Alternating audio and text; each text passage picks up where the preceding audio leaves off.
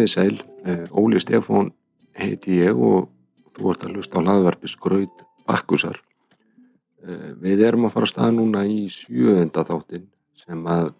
í rauninni var alltaf stóra markmiði hjá mér það er að segja að ná yfir sjö þætti í þessu hlaðvarpsverkefni vegna þess að uh, ég sá einhverja tölfræði þar sem að, þar sem að, að meðaltali fara fæstir yfir sjö þætti sem er að byrja með hlaðvarp Nei, ég hugsaði með mig, það er bara frábært fyrsta markmið. Komum sér yfir sjöð þætti og hér erum við komin. Nú, uh, ég hef núna síðustu viku verið í mikilli vinnu í rauninni tengd þessum málöfnum, alkoholismannum, sem maður hefur verið í, já, bara rauninni síðustu mánuðið að sjálfsögðu. Uh, ég, málið er að ég fór söður í síðustu viku, í uh, nokkra daga var fjóra daga fyrir sunnan og ákvað þá að henda mér á aðfundi Eh, mér langaði var orðin tölva spenntu fyrir því að, að fara í Reykjavík að fara á stað þar sem að ég fer uh, eins og ég gerði á mínu fyrsta AA-fundi árið 2009 þar sem ég fór í hitti fólk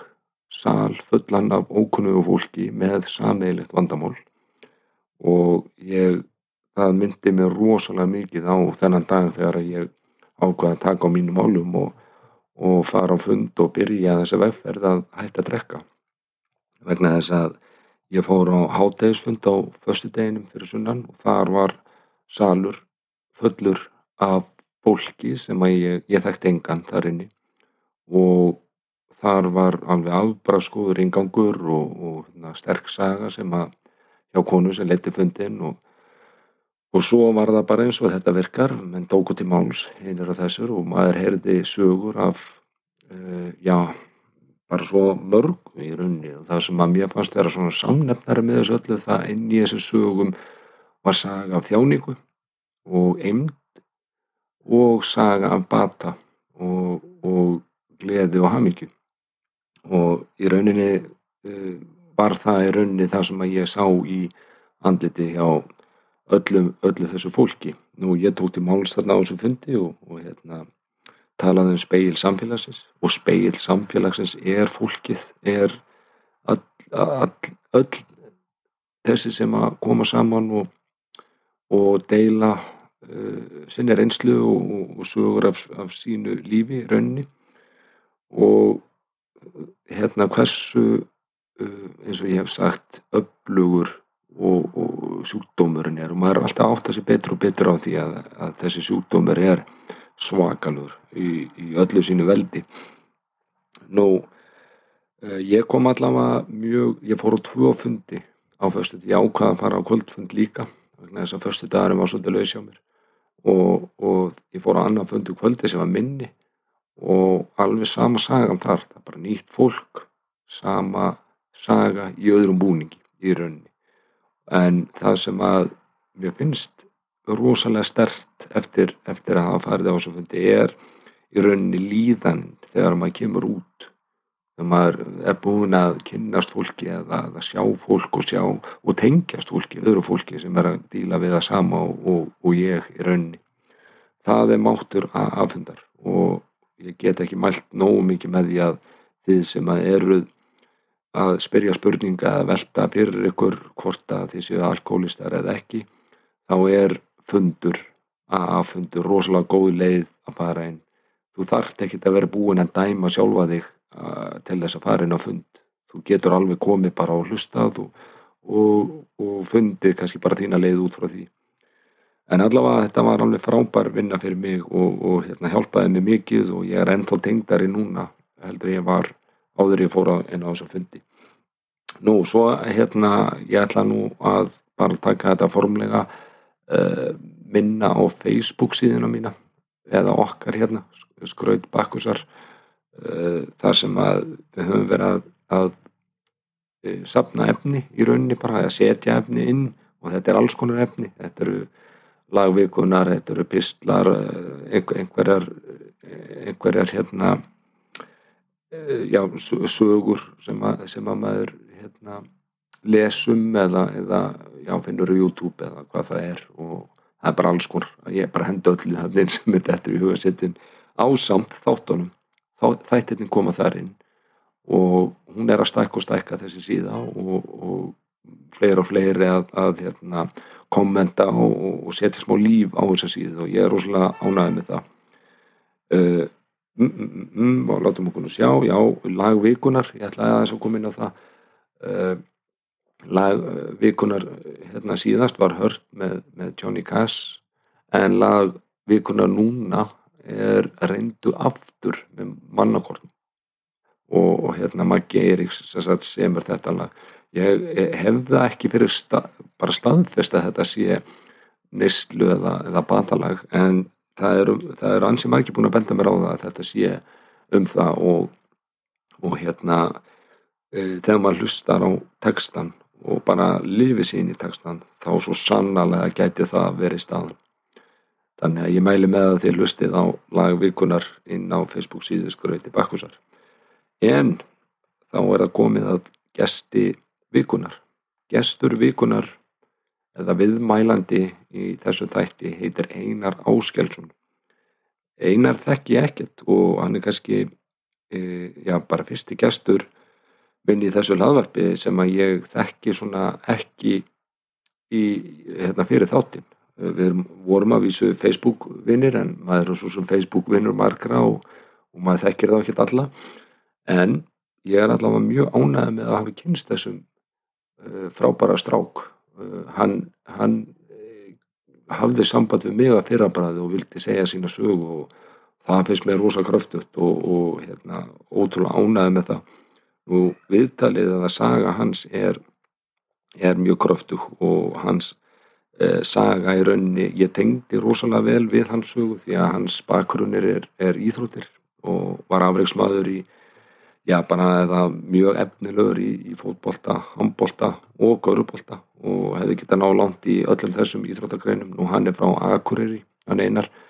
og úr Þorpunu, hún er fast mikilvægt að taka það fram að hann væri Þorpari en hann, hún er tókst að spila með bæði bæði Þór og Káa. Og hann tók þátt í leik sem, æfingarleik sem var á sínu tíma en Akureyri og ég, þar sem ég bjó í tvö ára á Akureyri þá heyrði ég mikið tala um þennan æfingarleik þetta var þegar að Manchester United kom til Íslands og spilaði æfingarleik við Káa og hann var þar inni að spila móti Josh Best og fleiri hittjum kemur aðeins inn á það í spjallinu. Nú annars er það bara sagan hans og þetta þessi, þessi barndæfi við sjúkdómin og svo var einar er einar það útrúlega flottur að hann opnar inn á í rauninni veikindi sem hann, hann hérna barðist við og, og hérna og hann er mjög opinn skár og auðmjúkur og, og talar mjög hreint og beint um þessi veikindi og hvers, hvernig hann tengist alkoholismannum og, og sagt, lausnin eða, eða batinn þar líka. En þessi sjöndi þáttur er þá bara hér með komin í loftið formálin er komin og við skulum bara vind okkur í viðtalið við Einar Áskjálsson gerði þið svo vel Jájá, þá er ég bara sestu niður með honum Einari Áskjáls ekki bara ágættis nafn á þeinu minn, Einar Áskjáls Jú, ég heiti það. Já, já. Það er Áskjálsson. Já, já, Einar Áskjálsson. Og margir, og margir gera grína þessu Einar Áskjall, sko, því þetta er, svo, þetta er svo líkt, sko. Akkurat, ég tengdi það. Að, já, ég, ég, það er fínt, fínt hjá þér. Já, já. En ég er ekki ég... viðkominn fyrir þessu. Nei, nei, ég vona ekki. Ég vona ekki. Ég sem sagt komin hérna með Einar, sagt, hérðið í, í, í stúdjóðið hjá mér, í tölvuna og veru vel tengdir núna og og gott hljóð í þér og ég þakka þér alveg kjallega fyrir að, að hérna, setjast niður hérna, með mér í skröyti bakkusar uh, einar já, mér langar að kynast þér og ég ætla að fá þig ég fæ alltaf mína, mína hérna, gesti til að kynna sér bara sjálfur og, og taka svo bara þráðin þaðan sko.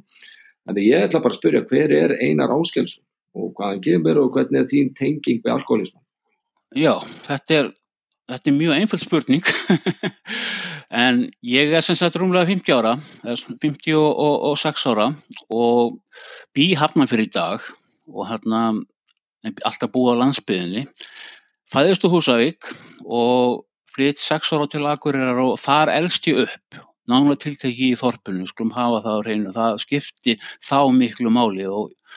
og elst þar upp og fer þar í, í gleraskóla, er þar all, allar mína skólagöng og er raunverulega akkurir fram á fullónins ára því að hérna setna með þá að komin háskóla akkurir sem að ég náði að klára mitt náum í. En það sem að ég var svona ólst upp við þarna á þessum tíma í þorpunum þá var þetta alltaf byggjast upp og, og, og þarna voru mikið að krökkum, þetta var mikið barnakverfi og, og þarna voru við að búa til fókbóltafelli sko, við notum einmitt bara svona spýrur sem, sem við fundum og, og hérna eða fólk hvað, hvað það er, byggum til mörg og, og stálun nétum einhver staðar og þess og þar og vorum með ákveð svæði, þetta var alveg við glerána á akkurðu þessum þekkja til þar og þannig að fókbólti, þetta var bara dægin út og dægin inn og hérna, og einhvern veginn held ég að lífið þá, það var frálsleira menn að fóreldrar manns voru ekkit endilega að leita mann upp í sko þannig, þeir bara treystu því að maður skila sér einhver tíma fyrir nóttina og sem maður nú gerði. Þannig að þetta elst ju uppið og svo uh, Þór, einmitt íþjóðstafélagi Þór, það byggir upp sína aðstöðu þarna við einmitt skóla minn og ég man himnasendinguna þegar kom malavöldur, það þótti bara alveg bara þýrlitt og annað eins sko, þannig að ég er að kynsla sem ólst upp á, á malavöllum og snjó og hvarta ekki við því. Þannig að hérna, en svo förum við náttúrulega, þetta er svolítið stór hópur af strákum og hérna sem eru mjög frambærilegir og við förum bara að æfa með þór og, og hérna og getnum yngjurflokkana var svona kjarni sem var bara nokkuð góður og þetta var setna meir mjög margir af þessum strákum sem að endur þessu bara upp í, í meistaraflokk hjá Þór á sínum tíma og sem er í í landsliðinu. Og það máli nefna það, ég held að Haldur vinnu minn Áskels þarna sé nú alveg saman það að ég ræði það að hann var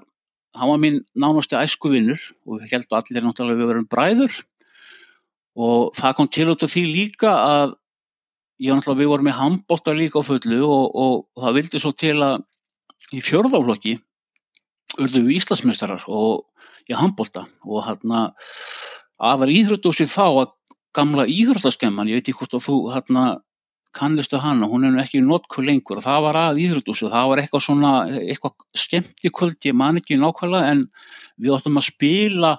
svona síningarleik við káa, þetta var alveg fáranlega skilur, en við erum kynntir sem sagt fyrir framann fullt af fólki og þar eru við kynntir sem bræður skilur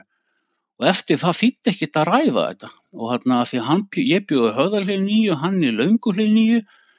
hann var pappans þetta Áskell Egirsson, minn Áskell Einarsson hliður hliður sí, símaskrónin reyndu að, að hérna og þenn þótt að dag sem ég spurður út í bræðum minna þegar voru náttúrulega hann átti fleiri bræður og, og hérna en við vorum þessu samlokur og, og ég verðum í dag mjög góði vinnir, við höfum alltaf verið þetta er bara, hefur hittumstæði, heyrumstæði bara eins og gest það í gæðir hann er svona aðilir sem að hérna dæmir aldrei en hann er mitt náði mjög langt og, og eða sem sagt eh, komur í landslega og fleira en svo fór hann að meiðast og hérna hann skoraði mitt marki fræða hérna múti Sovjetríkjunum eitt eitt jættefli þar og sínum tíma sem þótti bara fyrsta skipti sem Sovjetríkin töpuðu ekki, eða semst unn ekki leik í, í hvaða mörg ár. Og en við erum semst með mjög gott hérna lið á þessum tíma bæði handbólta og, og fókbólta en það sem háði okkur og kannski gerir, að ég veit það ekki í dag er það að við höfðum ekki lið til að spila við almenlega nema kannski káa sem að við vorum oftast betri. Og þar að leiðan til spila við svo fá að leiki við sumar og svo koma úrslitt það sem eru spilað kannski þrýr, fjóru leikir á tveim, þreim dögum og og við náðum aldrei að færa gegn það, urðum alltaf í þriðarsæti og töpum alltaf leikskilur þannig að við bara einhvern veginn bara höfum ekki reynsluna eitthvað í þetta. En þarna þetta var mikið fjör og gaman og þannig að ég elst upp í þetta og en svona uppeldi mitt er að ég kema heimilið sem að bara slétt og felt utanfrá og, og, og ólst upp við bara fín, fínar aðstæði þannig. En þar er alkoholismi þar og, og hérna og svona bæði þarna, það var reynda að voru tveir, ég ætla ekki að fara að nefna hverju það eru, það breytir engu. En ég fer að, ég elst upp við bara svona uh, svona mikið kvíða og ótta og svo fer ég bara vinn þarna fer ég bara svona verð orsalega meðvirkur og, og þessa tilfinninga kvíð og ótti þetta verða bara svona eins og default tilfinninga ég þarna ég bara held að allir væru svona eins og ég. Og ég man átt eftir að ég fór heim til hérna vinna minna eitthvað var þar og það sem var eitthvað svona bara eðlilegt ég bara, það funkar ég ekki alveg það var ekki, það var ekki dað. Og ef það var ekki dað þá leið mér illa. Þannig að ég lærði snemma að byrja náttúrulega þessa líðan inni og, og, og þetta háði mér mikið og inni mér var ekki rosalega lítill strákur alltaf en ég er fókbólt eða sem sagt íþjóðsuna það er björguðu minni barna sko, algjörlega. En þegar ég er 14 ára þá voru við mitt já félagan okkur hvort við var ekki fjóri, fimm sem höfðum einn hafði rettað þarna brenniðslösku og ég manu settum tópas út í að þetta var svo vond þetta voru allt strákar úr íþjóðstunum og, og þetta var fyrsta fyllir í mitt og, og það sko því gleymi ég aldrei því mómenti að því að þegar áhrifin komu þá bara hugsaði ég sko vá. Bara þetta er fyrsta skipti sem er leið vel. Þetta var bara deyfing og ég hugsaði bara hvað er nú þetta? Og hérna þá styrði þetta bara stórkostlegt og ég fann manna ég upplýði þetta allt öðru sem heldur en fjölaðin minns sem dæmi sko. Ég var ekkit veikur þetta kvöld eða neitt sko. Ég held að næsta fyllir ég hafi ég mitt endað einhverju bara ælandi skiluru og allt það sko, en það stoppaði mikið. Þannig að eh, upp frá þessu þá ég svona alveg held í mér og er ekkert endilega sko að detta þannig mikið í það svona, kannski fyrir ég svona 15-16 ára þá, þá fara að koma svona brestir og það er farið aðeins að tala við mig, skiljur, svona banka í mig og, og, og spurja þarna, en að því að svolítið drakk ég við hvert tækifæri en ég held ekkert meira heldur en kannski eðlilegt tellist þá en ég bara, bara fungir að ekkert þarna nefnendur áhrifin til dæmis að fara út og skemmta sér að tala við stelpur og þetta skilur ég hef aldrei getað eitthvað og það er bara ekki fræðilegu möguleiki, þetta var bara að vera mitt, mín hækja mitt liv sko. Og hérna svo þegar hann að mér þá var ég bara aftur lítill og en frontaði allt öðru sig. Og fólk hefur einmitt sagt við mig hvernig karakter ég, það upplifið mér sem karakter á þessum árum, svona úlingsárum því fannst ég einmitt vera algjört mondras og hrókafullur, skiljuru og ég bara, hugsaði bara vá mér hefði aldrei soliðis en þetta er bara gríman og brinjan sem ég held ég að ég hafi ómeðið það byggt upp og þegar maður var í hóp sko og og kannski ennþá meira maður undir áhrifin þá, þá átti maður bara heiminn sko. Og hérna en svo teki það ákvörðun sem að ég oft pælti að hverju ég gerði. Það var einhver uppreist í mér eða eitthvað ég veit það ekki en þegar ég er að ganga upp með þrejálöki hjá Þór í annarflokk þá, þá skipti ég yfir í ká og þetta þótti á þeim tíma algjör glæpur. Ég bjó fimm, fimm minútur frá þósvæðinu og, og það var allt vittlust og ég náttúrulega bara og það beiti beitingunni í mig sko það bara gerði mér svona ennþá svona bara fokkjú einhvern veginn skiluru og skipti yfir ká og ég menna guðmi góður þá fullorðið fólki þó sko það hætti að tala við mig og, og eini sem að einmitt kannski var ekkert að hamast í mér var fyrirnemdur Haldur eða Dóri eins og hann kallaður. Og þá spurða mig út í allt þetta en, en ég var búin að taka ákvörðun og, og segi því meira sem var hamast í mér því mér bara harðari var ég bara taka þessu ákvörðun, ég var ekkert að stíga tilbaka en þar einmitt bara þegar 16 ára þá, þá er Káa í eftir dild, Þór er í næstu dild líðin voru svona rokka upp og niður á þessum tíma. Og ég tekin þarna bara beint inn í mestarflokk Káa og það var skoti sem þjálfaði okkur Alec Willoughby maður það, hann maður það alltaf því hann, hann kunni heldur þrjár tegjaðingar sem við gerðum alltaf ég kann það alltaf ennþá og hérna og talaði og talaði og talaði alltaf og, og maður skildi hann ekki neitt sko en það skoskur alltaf með það, ég er tekin hann inn og er alltaf mjög efnilegur og ég er efnilegur náttúrulega í öllum þessum íþjóðargreinum sko ég. Og hérna er nánast komin í úlingalandsliði körubólta á þessum tíma líka. Ég hætti reyndar að stakka þá sko þótti sæmvel að stór þá og, og svo handbóltin þetta tósa all tíman og fókbóltin var svona númer eitt og, og, og þetta sumar sagt, þegar ég var með káa það var náttúrulega bara algjör þetta var svona mitt drauma sumar þetta var, þetta var varð endanum hápunkturinn á ferðlunum ég komst í úlingarlandsliði og spilaði þar með káa og svona á, á bektnum ofta sko og ég var alveg hundfull sko yfir því sko skildi ekki tíðunum að vera ekki hleypað mér inn á sko og hérna og svona maður svona var maður leitóri stórt á sig og, og svo þetta sumar var alveg ótrúlega viðbyrður á Akureyri þegar að þarna þá var held ég Hensson og fleiri þarna valsarar sem að sá til þess að Manchester United kom til Íslands sem hluta á sínum undirbúningi fyrir tímabilið og þeir spiluði með við Val fyrst í Reykjavík og komið svo norður og spiluði við Káa og þar var ég. Og, og með okkur eða semst Káa spilaði einmitt George Hayden Best kannski ekki ungir knastbundum en það munar kannski ekki eftir honum en hann er, var bara legend á sínum tíma. Og hann var náttúrulega hættur og en var samt í ótrúlega góðu formi. Arnór Guðjónsson var með okkur líka, ég maður það og, og þarna er ég og, og þetta var náttúrulega bara einhvers hápunktur á ferlunum en hann að ég man á þeim tíma ég uppliða ekki þannig svona rosalega stert. Það er laungu setna sem að ég bara fór að átta mig á því, vá, við tókið þátt í þessu. Og hann og það er líka út af því að, að þetta varð hápunkturinn og að tók mig ótrúlega mörg ár setna að sætta mig við það. Ég komið þarna og hlutinni fóru síðan að, að fara í aðra átt upp úr þessu 17. úlingsárunum mínum ég, ég skipti aftur yfir þórendar og það er dæmi um hvernig karakter ég var. Þetta var seint um sumari og ég hafði verið með úlingalandsliðinu, það kannski segja þessu verið með úlingalandsliðinu og kom heim og föstuti og káa átt að spila og löguti og það var alltaf ringt í mann, þetta var þannig að láta henni vita hvort það maður verið hópið ekki. Og formlegt og það er ekki ringt í mig og ég var bara feina því að þá mér langar svo að þetta í það en kvöldi sko, hérna á fyrstaskvöldinu geri það. Fer svo bara leikindagin eftir og sé bara, herðu, wow, það vantar bara hálf líði, hvað er í gangi?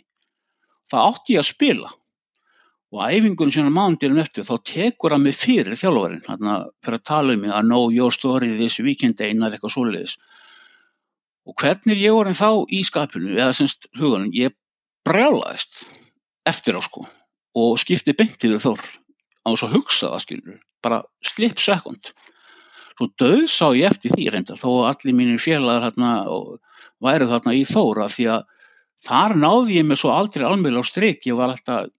ég var með Þór í nokkur ár og Þór var svona að fara, þarna var Þór að verða bara mjög gott úrvastetta félag. Ég mitt byggt á þessum árgöngum bæði eldri en ég og svo pínu yngri en ég sem að ólust bara upp þarna á saman í þorpunu. Það voru bara allt þossarar. Og, og ég fer svo að einhvern veginn að slaka og áfengi fer þarna að taka yfir mig. Mér er að fara að líða svo illa þér úlingur og þessi ár sem maður er að mótast og, og svona og ég þroskast alveg sæmilega snemma og, og þarna er ég bara farin að drekka við hvert einasta tækifæri og, og rúmlega það. Kultúrin líka í íþjóðstónum og fókbólstónum var þannig eins og bara með káa, ég man það að í bara útilegjum sko, flugum alltaf, það var alltaf sko, það var brennið mér var allstað, skilur, í kringum þetta líka Þannig að sko það þýtti ekki tverjum mann að fara frá því. Ég mann að spiluðum á Akranissi og Ía og flugum til Reykjavík um að keira upp á skaga, það var eitthvað svoleiðis. Og menn tóku þá með sér, vitandi að það þurfti að keira til Reykjavík og þá við flugum, myndi fljúa heim sama dag. Þá voru menn bara að byrja að drekka inn í klefa eftir leik sko. Og hérna, og þetta fer maður líka inn í þetta og svo það komið heim þá bara beinti sjallan og allir pakkin. En ég fer sko að svona minnst að mér fer bara að líða illa, ég verð þarna svona þunglindur eða ég fer að draga mig inn í skell einhvern veginn og fer einhvern veginn að lifa í einhverjum útopíu drauma heimi, ég kann ekki alveg útskýra þetta. Og svona og finna ég er að missa tökin það er þessi bara sjálfströsti hafi mólna hjá mér einhvern veginn. Og svo endar það bara með því að ég bara hætti að æfa. Ég var í nokkur ára skrölda í einhverju deildum fyrir neðan þanga til að ég mitti mig. Og, og einhvern veginn svona var svona bara afsökun til að geta, geta hætt, hætt þessu eða skilur eftir á. Vitandi það að ég var náttúrulega, vildi ekki vera á þeim stað sem ég var á. Og þegar að það gerist og einhvern veginn ægir nú að klára stúdanspróð það er, ég held að svona meira eitthvað verið að mentakerfinu heldur en að ég hafa lagt mikið á mig sko. Þetta voru bara, þetta var bara jam þessi tími. Og og svo bara eftir það þá missi ég bara algjörlega tökin. Ég bara, ég bara fer sko ég fóð til Vestmanneia og í, í hálftar og,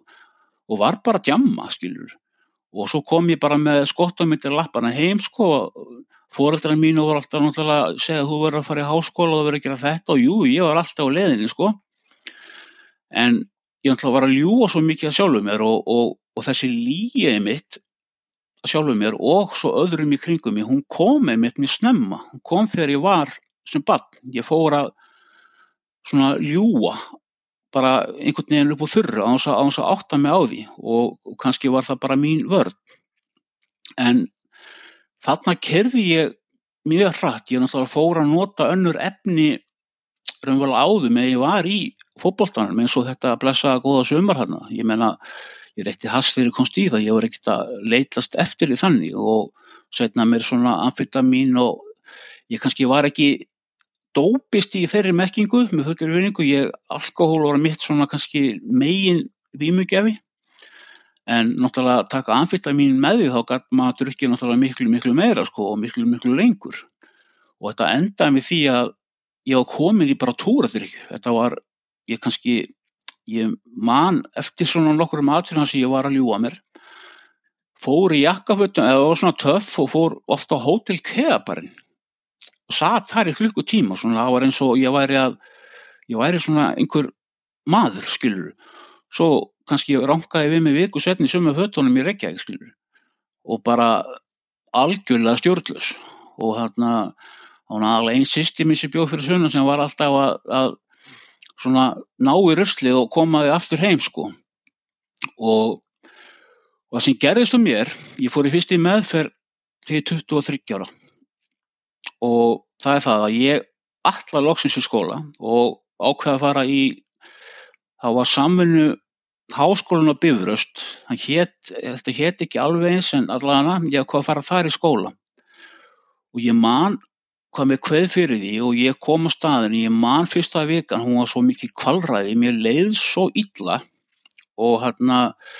og ég bara gat ekki verið og fyrstu um eitt helgina og fóru hérna aðeila sem ég kynntist þeir fóru bara í bæin skilur það náttúrulega ekki langt að kera og ég ákveð bara að fara með í bæin Reykjavík, það er náttúrulega dott í það. Og það er náttúrulega komið síðast í skandal ég náttúrulega skilaði mér ekki tilbaka og, endaði með því að ég var bara týndur. Líst eftir mér og ég veit ekki hvað. En ég lá bara á einhverju pappakössum í einhverju það var einhverju hæði hús í Suðurlandsbröð sem er var bara ekki í gangi alveg á þeim tíma. Lág bara þar og, og svo að skröld á ölver hafi verið svona þessi skýta staður á þeim tíma og þar var eitthvað fólk sem að þekkti mig. Og þetta var algjörlega sagt, þetta var núlpunturinn fyrir mér þá. Og það hafi klúrað þessum skóla og eitt fullt af peningu sem ég átti ekki eða sem, sem ég hafi fengið og átti að nota þarna í, í náminu og svona. Og þarna hafði ég enga afsökun og ákveða að fara í meðferð og fyrsta meðferð og, og næstu svona fjögur árin þá er ég að svona að brölda ég kláraði meðferðina og veist, þetta bara leiði mig miklu betur. En það var, ég veit alveg núna að svona þegar ég er búin að vera etru ákveðin tíma þá og maður fer svona að lifna við tilfinningarlega þá bara einhvern veginn fröð sig og eins og hérna þegar þekkjum úr spórakerfinu þegar kemur að hérna fjörðarsporunum að það er að fara að gera reikningsskili sín. Ég kunni það ekki, gatt það ekki og þorði ekki. Og, og bara þá bara varði ég sko frösi bara og, og var alltaf að falla. Og þetta var bara saga mín þanga til höstin 1993 og reyndar hafði ég byrjað í skóla þarna á þessum tíma og klárað alveg þokka, eða svona slatta mikið en all, droppað alltaf út einhvern veginn. Svo var að þetta sumar, einmitt þarna, ég hafði myndi verið í sambúð, þetta var fyrsta sambúðið mín og, og bara glæsileg kona eða hún með mér í námi og, og ég held að ég hef verið ástofnakinn að henni, ég veit það ekki, ég kunni nú ekki mikið á tilfinningarna mínar, en hún átti stelpur enda sem var þá sex ára og við vorum bara farin að búa. Og ég fann einmitt þar ég, ég gati þetta ekki, ég kunni þetta ekki ég bara meikaði þetta ekki og ég var alltaf að búa til einhverja situasjóni svona í sambandinu sko eitthvað vesen, bara þurr bara og ég skildi náttúrulega ekkert í af hverju. Og og hérna endaði náttúrulega með því að hún sparkaði mér og þetta var fyrsta svona höfnunum minn sem ég hafi lendi í æfinni ég hafði alltaf verið drullusokkurinn sko ég hef búin að sofa hjá alltaf mörgu kvænfólki skiluru og ég veit ekki hvað ég sært mikið af einmitt konum í gegnum á þessum tíma að því að ef að myndast eitthvað samband þá bara loka ég sko ekki séns. Og ekki það ég vil, hafi viljað en þetta var annað stórt sem að ég þurfti að vinna úr setna með þessi, þessi tími hvernig ég var sem karakter og, og hvað var til mitt konum hvernig ég hagaði mér sem er bara ófyrirgefanlegt þannig að séð en sem sagt og það var einmitt eftir þessa höfnun þarna miklu sem að það var sumar sem að ég var ég var svo á nefnanum og fólk saði mig setna og þeir bara hrætti mig, ég var reyndar að fara á aðfundi en það bara horfið á mig og saði bara ég, veist, hvað er, hvað er að, að honum? Og svo er það ráðgefi fyrir norðan sem að við þykjum rosa á veitum og hann talaði við mig og, og hérna, hann sem þá var gungudild á Akureyri og ég held að sé það nú ennþá og og hérna hann svona fjætt mig til að fara í meðferð ég hafði enga trúa, ég held ég ég var búin að fara til geðlætnis bara til þess að, að fá hann til þess að kvitta upp á því að ég væri í geðvikur af því að það líti, líti bara vera. En hann náttúrulega bara hlóða mig sko. Ég bara fekk ekki magnil hjá hann sko. Og hérna svona var ég. Bara ég gæti ekki verið alkoholist það bara, var ekki meðkæði ekki sens. Ég er búin að vera meðferðir og fundum og það gengur ekki neitt Svo fer ég í þessa meðferð og, og hann fer á svakar áður, mann ekkert eftir ég fór hann á vok og þar fór ég svo kallar vikingameðferð heitir það, eða svona endurkomu, fyrir endurkomu aðila. Og er hérna samt mjög ungur og, og ég er náttúrulega svaka ofirkur og líka og hérna og lendi þar að rákjafa sem að hann var æðislega góðu við mig inn á vogi, ég var í mánuð inn á vogi og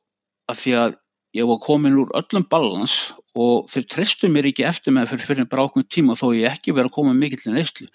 Ég var bara orðin svo hérna tættur. Ok, og svo fer ég á staðafell og hérna þar er fyrsta halva mánuði mín er ég mér ágjafa og svona og þetta er alveg, ég segi þetta er alveg hörku meðferð og svona, það er farið mikið í fallsöguna þetta.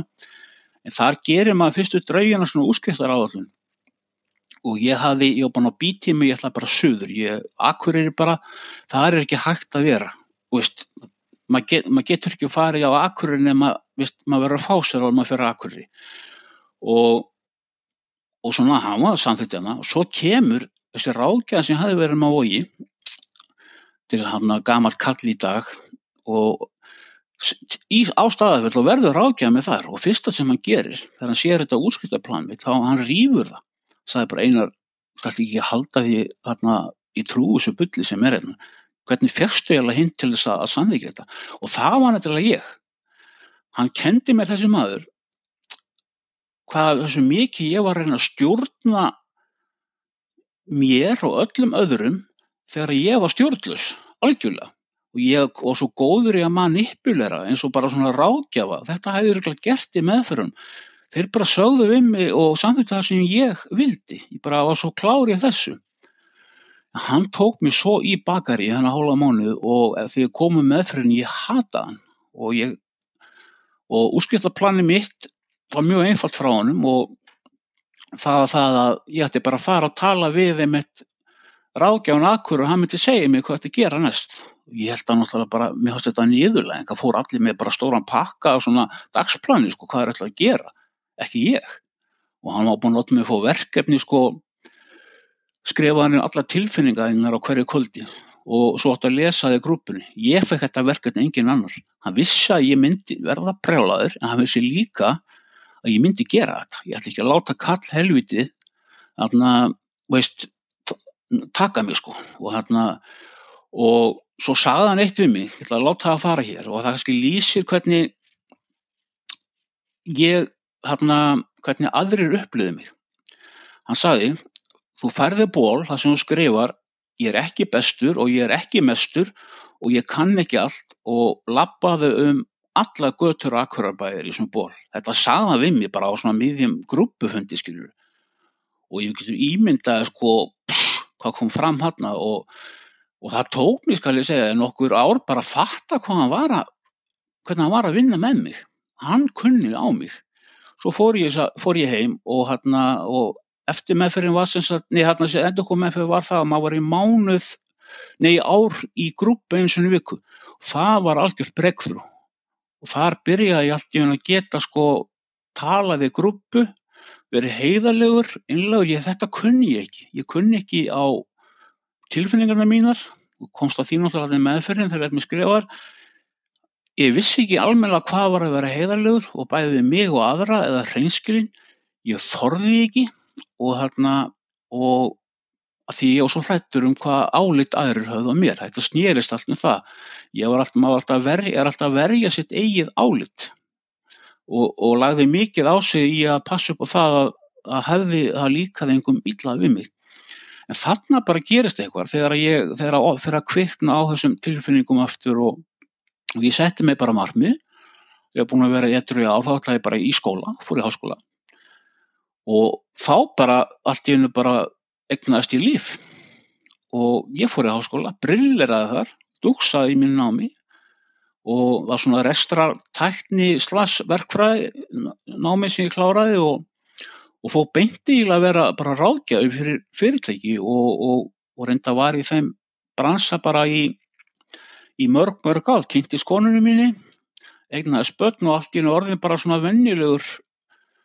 svona jeppi út í bæskiluru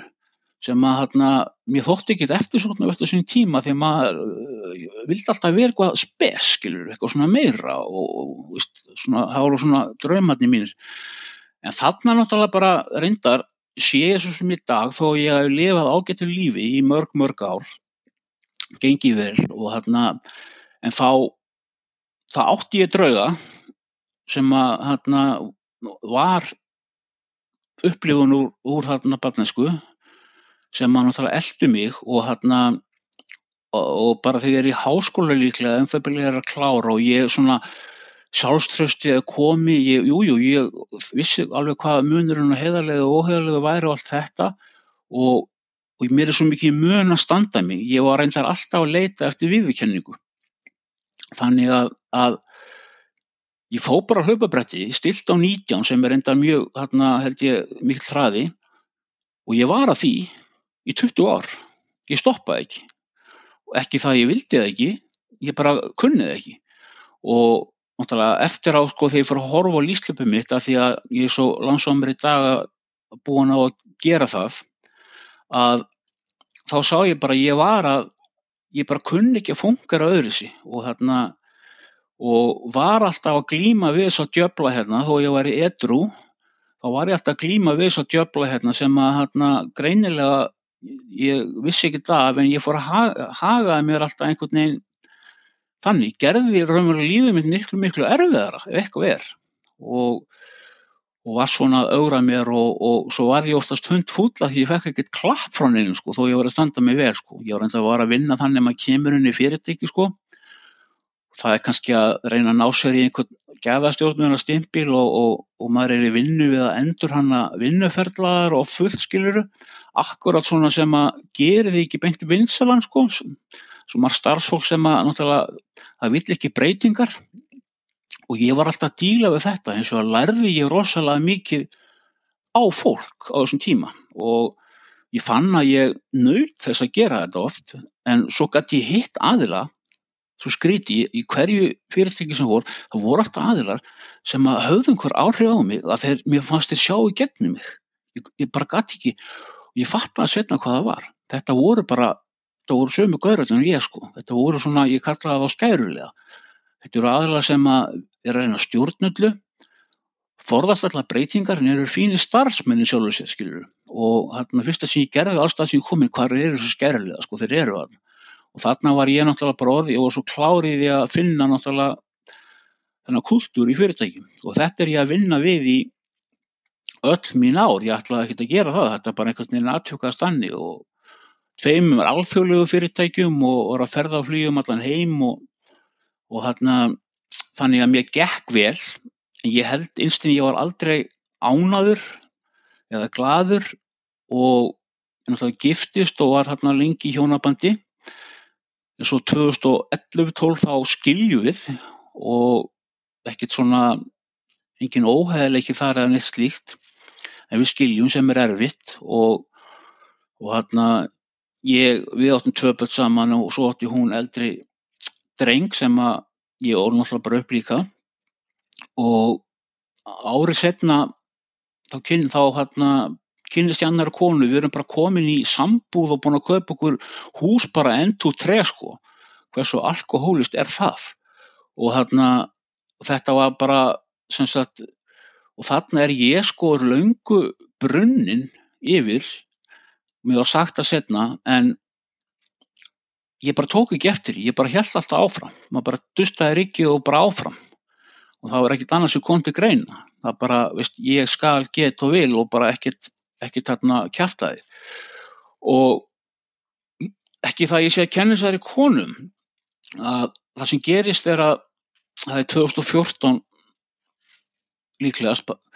að ég fæ skindilega svona ofsakvið og panikast bara upp úr þurru. Við vor, vorum með hund og ég fór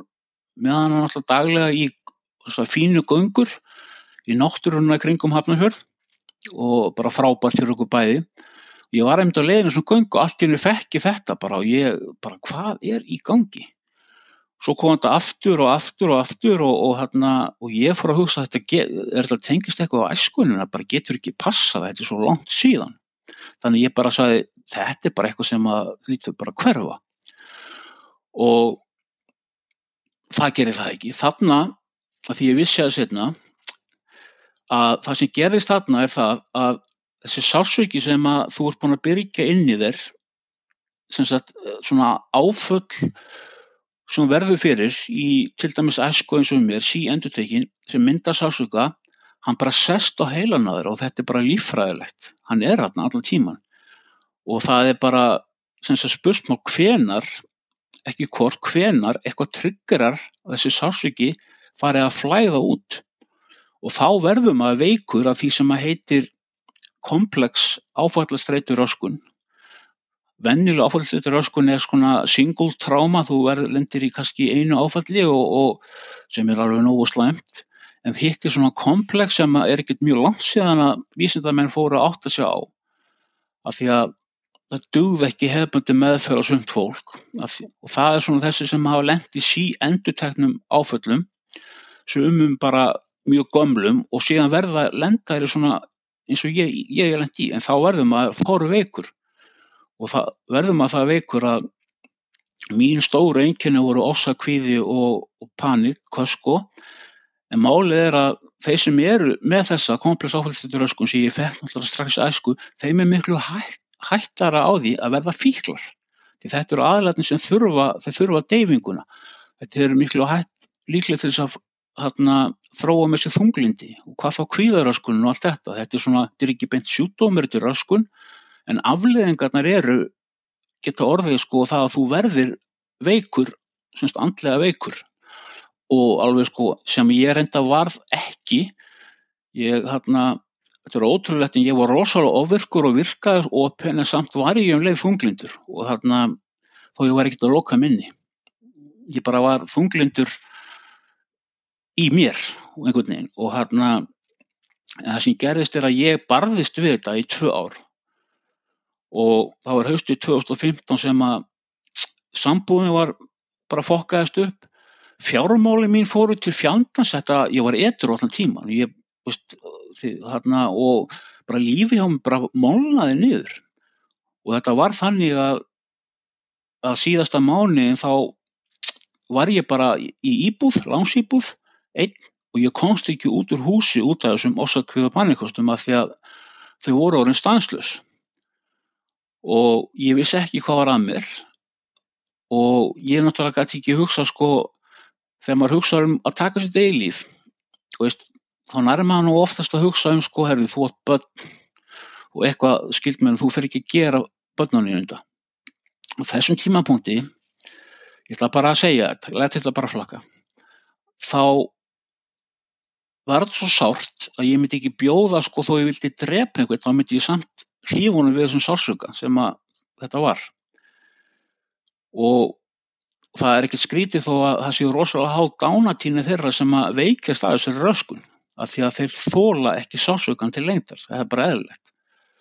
Og ég er náttúrulega hörku tól og maður er alveg það og, og, og maður er best og best og best skilur og hérna en svo bara koma því að ég ég bara gati ekki meir af því að ég hugst sá bara ef að þetta verður lífið mitt svona hvernig á ég geta hitt börnum minn hvernig á ég geta umgengjustöðu hvernig á ég geta alið upp þetta væri bara öllum fyrir bestu Veist? og þá ákvörðum tók ég og og það er svo skrítið að ég veit það ekki þegar ég er búin að taka hana þá leið mér betur ég sá að það sást, það var stutt í það að þessi sásöki myndi fara. Og ég væri bara hólpin og allir eru ánæðir eða skiljur og svo bara fór að koma aðbörra á svona dag sem að ég mun aldrei skilja hvernig ég var. Ég er bara, það er bara blackout. Að ég hitti, sem sagt, ég er alltaf hjá sálfræðingi sem ég kannast við. Ég hafði leitað til hans hefur skildi, allan að vera svo vandaði mig svo mikið við að vinna úr skilnaðaferlinu á þeim tíma. Það har aldrei farið til sálfræðins áður. Og er allt inn hjá honum og hann er bara hemmja mig einhvern veginn niður sko, ég er bara er flag og hann spurði bara hvað djöfullin hefur komið fyrir þig? Og hérna og svo fatta hann það alveg strax sko og, og sá bara og það var bara til þess að ég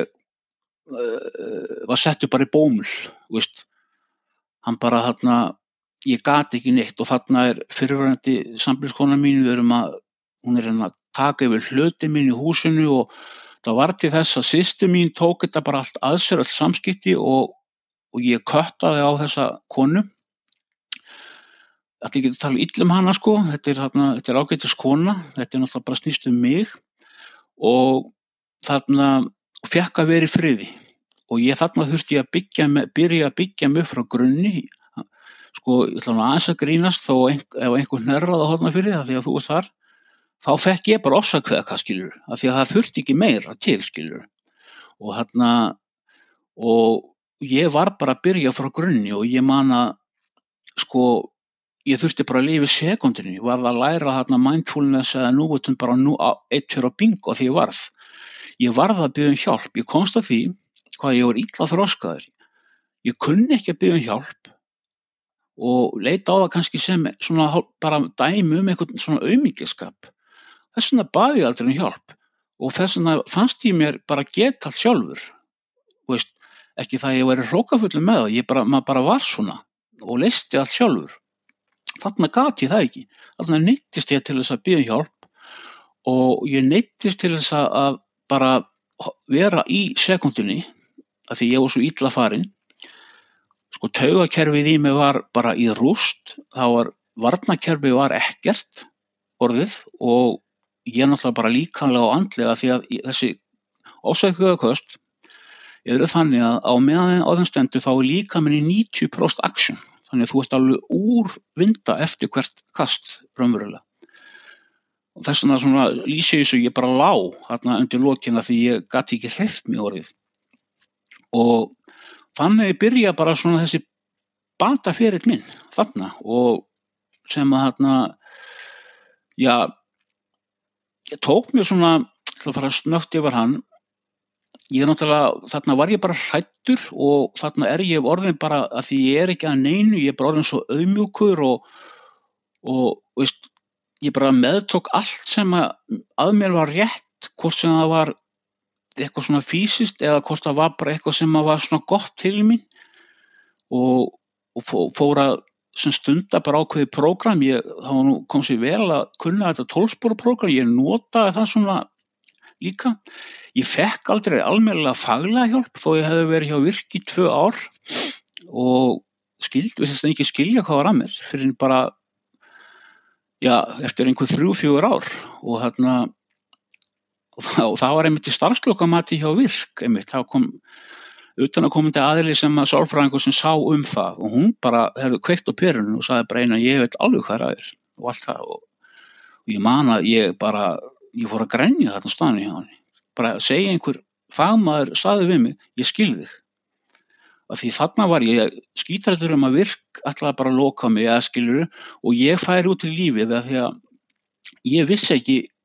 hvað, hvernig ég stend sagt og hvort að þetta getur komið allt fyrir aftur skilur, ég myndi lendi þessu öllu aftur. Og ég vissi það, ég myndi aldrei lifa það af, aldrei.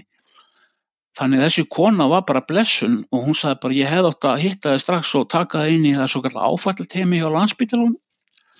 og það er bygglistir hendar heilt ár, þetta er nú heilbrískerfi okkar. Og, og ég hætti þarna hjá virk bara og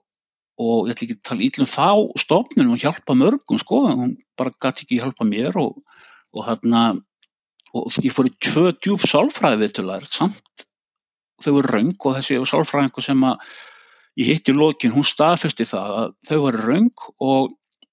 allir sálfræði tíma sem ég hafði farið í sem voru fjölmargir hjá þremur sálfræðingum þau voru gagslus, ég vissi það en ég var alltaf að stunda mitt prógrama meðan. Ég hafi byggt upp eiginlega mitt eigi prógram. Þessi sálfræðingu sem ég talaði um upp að þarna, hann var með mér svona næri ár að hjálpa mér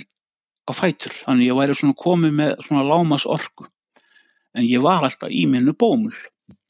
Mjög þarna og þess að takast á við alls konar mótlæti á þessum tíma líka sem að kom upp og, og en ég náttúrulega fór bara að læra það að ég náttúrulega ég horfði ekki fréttir lengi vel. Ekkert sem að þarna gæti hugsanlega sem sagt tekið mjög jafnvægi. Fólk, ég var bara að loka fólk, staðir, ég var bara hættið að fara á hanga og, og svo bara fór ég að læra og bati sem sagt þegar meiri orku sem ég fekk þá slóðu þetta svolítið á einmitt þessi ofsakvið og panikust til að þau bara fóru. Og setna var mér sagt bara að ég sagði, geta þau komið svona aftur? Nei, þú ert pún að taka þetta allt út, þetta er bara, það verður ekkit meira, það er ekki hægt að, það er ekkit meiri svona, eins og hún sagði, skítur inn í þér, heldur, heldur en eftir. Enda þegar að ég var að býða til að komast að hjá landsbytalanum, það leiði ár og ég var laus, var ekki á virkaðinu, þetta bara, það fór mér alltaf, ég bara leiði vel og ég maða, þetta var sömur 2019 að 20, ég man það ekki að loksins kallaðurinn þarna og ég fer í alls konar próf og, og hérna, veist, á að svara þessu og þetta er allt miðað við síðasta halva mánuðin og ég get ekki miðað við það, ég meðan mér búið líða bara fínt. Og svo sem var með mig, fagmanniski, ég fann það, hún sagði bara ég get ekki með þig. Ég sagði samt miðað við sögunum ég náttúrulega samt að leiða mér að fara í prógrami og við fórum í eitt svona dæmi og og það var einmitt eh, það var bara mjög intensjum bara með um að velja eitt svona einhverja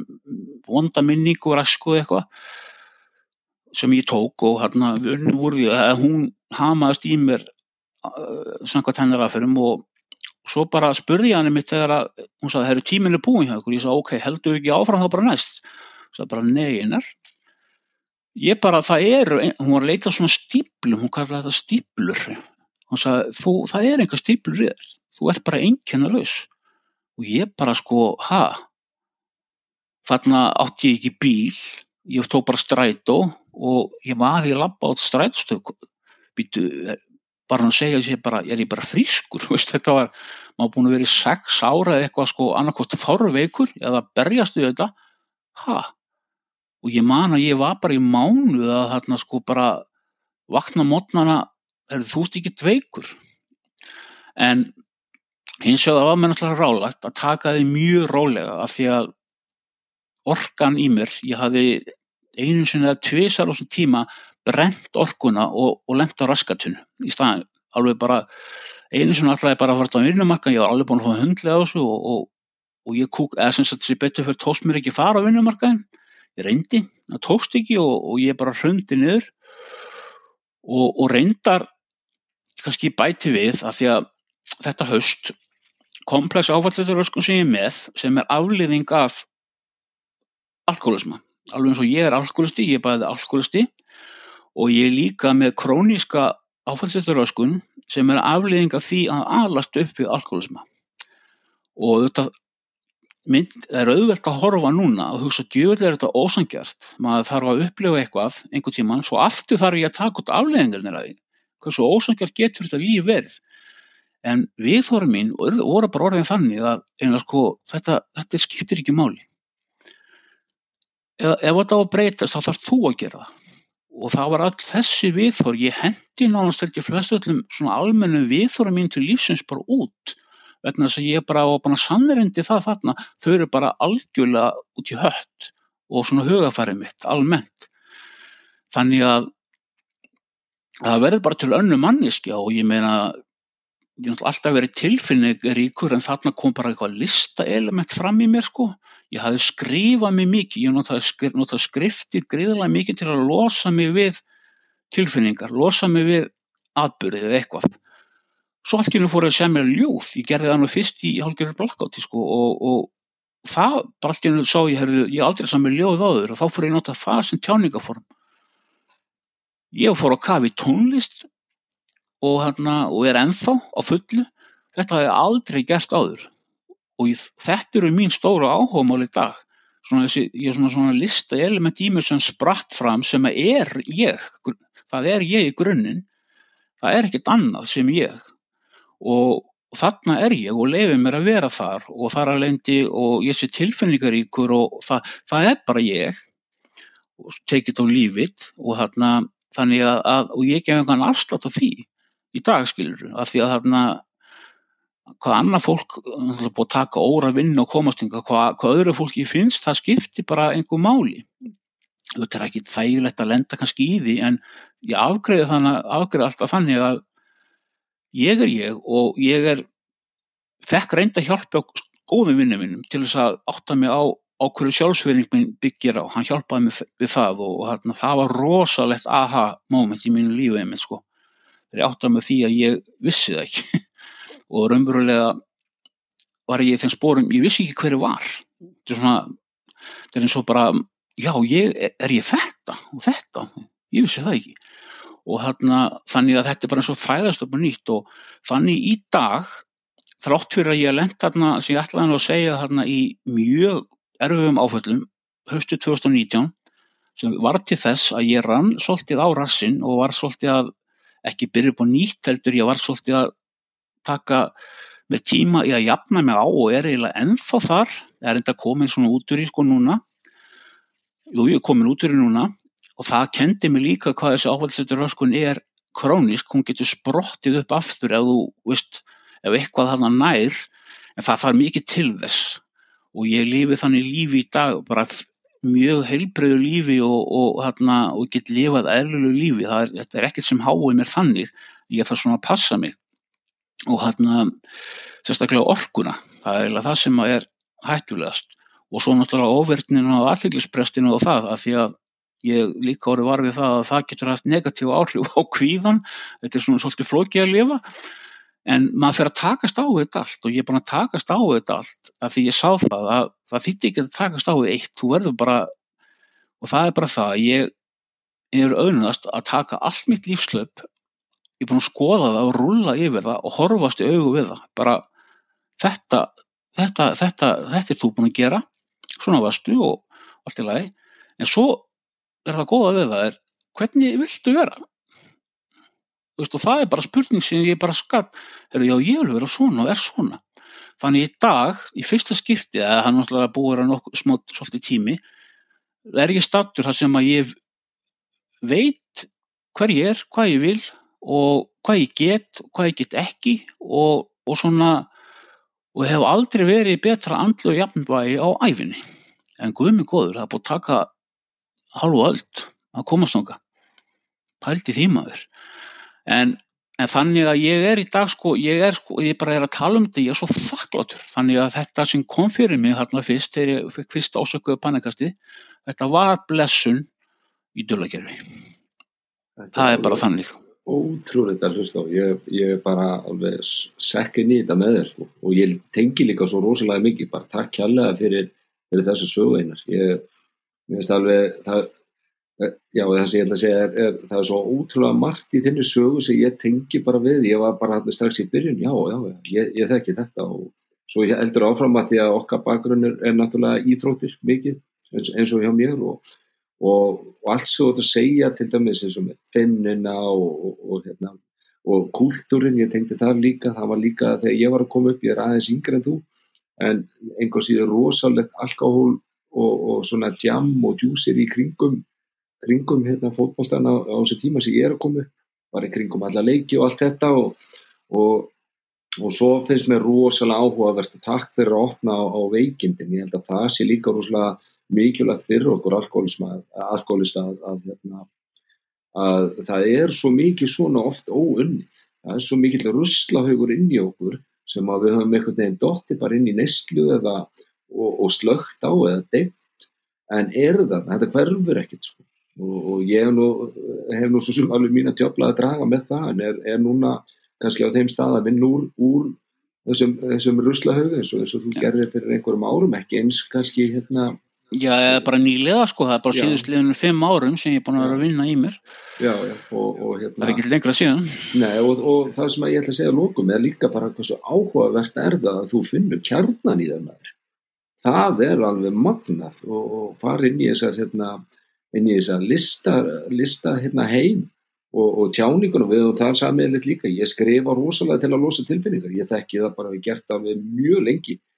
Fyrir sjálfa mig og, og eitthvað hendi ég frá mér og mér líður illa þá skrifa ég, ég valdi að skilja aftur en, en, en þetta er bara lærðir, eitthvað, fyrir, fyrir ekki óli, ég lærði þetta reyndar í, í meðferðinni á sín tíma hana,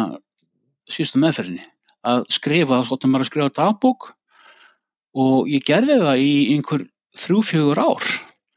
Þetta hjálpaði það helling sko, þegar ég var, var það loksins í etru skiluru og gerði ég þetta alltaf og ég fekk bara útrás á kvöldin sko helviti sviplið þetta, þetta ég skrifa þetta í dagbúkjana eins og ég var að tæla, tala við viðkomandi. Það bara, mér leiði alltaf eins og ég var að tala um einhvern annan en mig þegar ég var að skrifa, þú kannski upplifur það sama. Já, já, algjörlega og, og kannski hérna svona hefur lært að kynna stílu tilfinningum á endanum sem, sem að þú skildir aldrei sko þetta er alveg stórkostlegt og, og bara til hafmyggjum með sjálfa þig sko og þetta er alveg hérna Takk fyrir það. Magnaður og. Og draumurinn fyrir göðum. Er að náttúrulega að ég náttúrulega er með alveg í, sko, í maganum að skrifa svona sjálfsjálfabók. Ekki það að því að ég er eitthvað svo frábær en að því að sko málið er að 99% af mínu bata var það sem ég gerði. Ég náttúrulega lærði allt um þessa röskun, hlustaði og allt það sko, ég fóð bara alveg all in eins og við erum. Þú svona karakter líka gerir þér á fyrir. Og ég var bara að vita nákvæmlega hvað var að mér. Og svo náttúrulega bara var sólarhingurinn svona ákveðið hérna rútjana sem ég gerði. Mikið sem ég laði á mig og, og þegar fólk spyrir mig hvað gerður og ég segja það bara, það hefur ekki samband aftur skilur, því það heldur að ég maður sé með einhverja svona töfralög sko eða einhverja pillu sko og þarna það er ekkert svolítið, það er ekkert ókipið síðusu, þetta er, er gríðarlega vinna og þú þarfst að vera óbúslega einlagur og, og eins og hérna vinnuminn þessi góði saði við mig að hann let mér ákveði próf og, og það komin helsti styrklíki væri þröðsja sem hann sagði bara þetta sér maður ekki svona nummer eitt skilur og það er bara það að, að, að og, og keppniskapi og allt þetta sem við höfum þetta hjálpaði mér allt skilur maður er býra að þessu. Þó að ég sé búin að finna kjarnan á mér í dag og veit hvað er þá er maður samt ákveð í grunninn, við erum þá öll og, og, og maður bara horfir á og tekur það, reynir að taka það besta úr því, eða sem reynir að gera það besta úr því, skilur ég menna, ég verða alltaf svolítið ofirkur, það ég veit það. Ég þarf bara að passa mig sko og hafa stjórnaði, hugsa áður en framkvæmi það, ég vanda mig sko, ég er náttúrulega búin að vera að æfa mig bara í þessu allan þennan tíma. Maður áður bara óðmaður áfram og ekkert hvert maður var að fara og það var bara að happa og glappa hvort að, vist, hvar maður ákverðum maður lendi. En það ger ég ekki lengur. Og hérna, þannig að og lífið er náttúrulega bara miklu einfaldara fyrir vikið. Það er miklu einfaldara að lifa svona heldur en nokkuð tíman með þarna, hvað maður að segja? Já, með þess að draug og djöbla sem eru alltaf að, að segja þér eitthvað og, og, og, og stinga þig og eitthvað skilur og maður er bara aldrei laus. Já, ég ætla, ég ætla að segja þetta að hérna, bara þakka þér alveg kjallega fyrir einar, þetta, þetta var bara ég, finnst alveg frábært að, að hérna, hitta á einstakling sem er svona opinn og auðmjúkur og einlægur. Hérna, það, það er svo mikið hjálp í því fyrir okkur, okkur hinn. Og hérna, ég óskaði bara góð skengis og, og ég kem til með að banta þessa bókjáðir þegar hún kemur. Vonandi sem fyrst bara. Já, ég ég hérna, skal við ekki að það tekur hans á að byrja og, og ég, það er einn ótti sem ég þarf að yfirstega, það er eiginlega ég svo hrættur um orkuna í mér, veist, hvernig hérna að þegar ég sko ég brenni mikið sko skilur, það, það er pínu pínu hræslega því en, en ég er svona, svo var mér rálat að býða eftir svona rétt á mómentinu ég myndi finna það Það, það er sjálfsagt líkillin í öllu eins og, eins og bara í lífinu en, en bara mín er ánægðin að fá að